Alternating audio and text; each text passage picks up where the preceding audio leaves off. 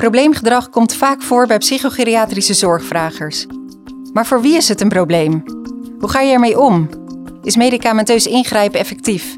En wat is de rol van de verpleegkundig specialist? Ik ben Andrea van den Dol, verpleegkundig specialist en host van de Verpleegkundig Specialist podcast. In deze podcast voeren we gesprekken over de rol van de verpleegkundig specialist in de dagelijkse praktijk.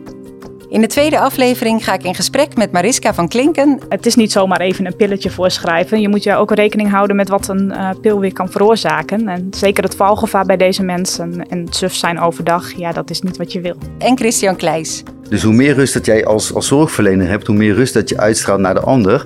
En hoe meer dat je sensitief kunt gaan werken in plaats van wat je puur ziet. Deze podcast is van het vakblad De Verpleegkundig Specialist. Nu te beluisteren op onze website www.vakblad-dvs.nl of via je favoriete podcast-app.